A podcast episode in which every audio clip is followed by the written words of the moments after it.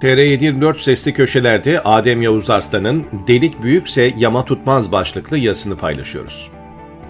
Beklenen olduğu ve özel kuvvetlerce eski yüzbaşı Nuri Gökhan Bozkır, Necip Hablemitoğlu suikasti soruşturması kapsamında örgüt üyeliği ve tasarlayarak adam öldürme suçlamasıyla tutuklandı. Beklenen oldu diyorum çünkü Bozkır'ın IŞİD'e silah ve patlayıcı satarken suçüstü yapılması sonrası MIT aracılığıyla Ukrayna'ya kaçırılmasıyla perdeleme yapılmış ve Bozkır'ın adı bir anda Hablemitoğlu cinayetinde geçmeye başlamıştı. Ukrayna'dan getirildikten sonra uzunca bir süre MIT sorgusundan geçirilen Bozkır 27 Ocak'ta emniyete teslim edilmişti. İki kez gözaltı süresi uzatılan Bozkır dün itibariyle mahkemeye çıkarıldı ve tutuklandı. Havuz medyası da ilk günden bu yana yazılan senaryoya uygun olarak Hablemitoğlu suikastini Gülen cemaatine yamama çabasında. Yalnız uzun süredir çalışmalarına rağmen hikayeyi henüz yazamamış gözüküyorlar. Çünkü suikast piramidi diye sundukları senaryoda en önemli ayak, tetikçi yok. Sabahın haberine göre tetikçi yakında belirlenecek. Peki Bozkır gerçekten Hablemitoğlu cinayetiyle ilgili olabilir mi? Bu konuda elimizde somut veri yok. Ancak Bozkır'ın bağlantıları, özellikle Fikret Emek ve Levent Göktaş gibi Ergenekon sanıklarıyla olan yakın ilişkisi göz önüne alındığında şaşırtıcı olmaz. Kaldı ki Nuri Bozkır, Sauna ve Atabeyler çetesinden tanıdığımız derin devlet yapılanmalarıyla içli dışlı eski bir asker. Üstelik ihraç edildi dendiği halde Suriye kırsalında mücahitleri eğitme görevi yapacak kadar da mevcut rejimle yakın çalışan birisi. Yani Gökhan Nuri Bozkır çok önemli birisi. Bu tartışma götürmez. Hem derin devletin yakayı ele verdiği ilk operasyonlardan olan Saona ve Atabeyler çetesi gibi oluşumlar hem de Suriye'ye yapılan silah ticareti gibi konularda çok kritik bilgilere, şahitliklere sahip. Nuri Bozkır'ın esaslı soruşturulması, sorgulanması halinde Türkiye tarihinin karanlıkta kalmış bazı dosyalarının aydınlanması mümkün olabilir. Fakat Erdoğan rejiminin derdi ne derin devlet uzantılarını soruşturmak ne de bu karanlıkta bırakılan dosyaları aydınlatmak. Erdoğan ve müttefiği Ergenekon ekibinin derdi Bozkır'ı Hablemitoğlu cinayetine yamayarak bir taşla kuş sürüsü vurmak. Bozkır'ı Hablemitoğlu'na yamayarak hem cemaate suç isnat ediyorlar hem de derin devletin kirli işlerinden sıyrılıyorlar. Hem Erdoğan hem de müttefikleri bu senaryodan memnun. Oysa ki Nuri Bozkır'ın izini sürerek birçok dosyayı aydınlatmak mümkün. Mesela Nuri Bozkır'ın kamuoyunda tanındığı savuna çetesi operasyonu 17 Aralık operasyonu sonrası safsaklanmıştı.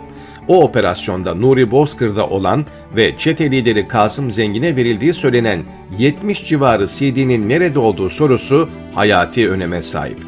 Soruşturmada elde edilen verilere göre o CD'lerde önemli isimlere ait mahrem görüntüler vardı.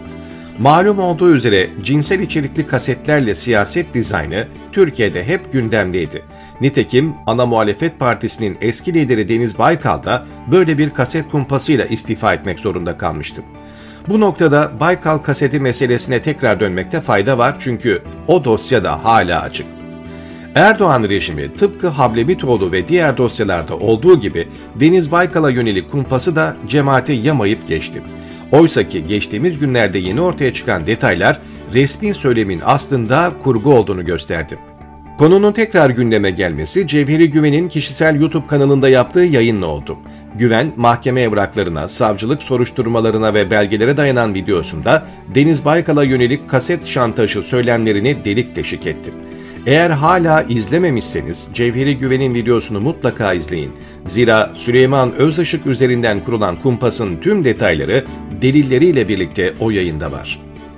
Sedat Peker'in ipliğini pazara çıkarması sonrası bir süre ortadan kaybolan, hatta gazeteciliği bıraktığını açıklayan Süleyman Özışık yeniden piyasaya çıktı ve eski iddialarını tekrar etti. Ancak Cevheri Güven'in ortaya koyduğu mahkeme ifadeleri karşısında bildik ezberleri tekrar etmek durumunda kaldı. Bu noktada gözden kaçmaması gereken önemli bir detay var. Cevheri Güven'den önce Sedat Peker tarafından Paçavra'ya çevrilen Özışık kardeşlere desteğe Oda TV ve münferitçilerin koşması şaşırtıcı değil.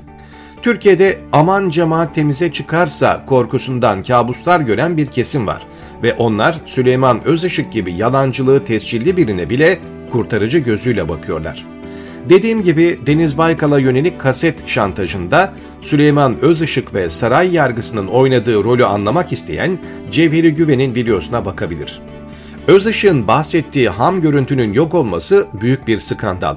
Bu yönüyle Özışık, Baykal'a yönelik kumpasın çözülmemesinin müsebbiplerinden biri sayılabilir.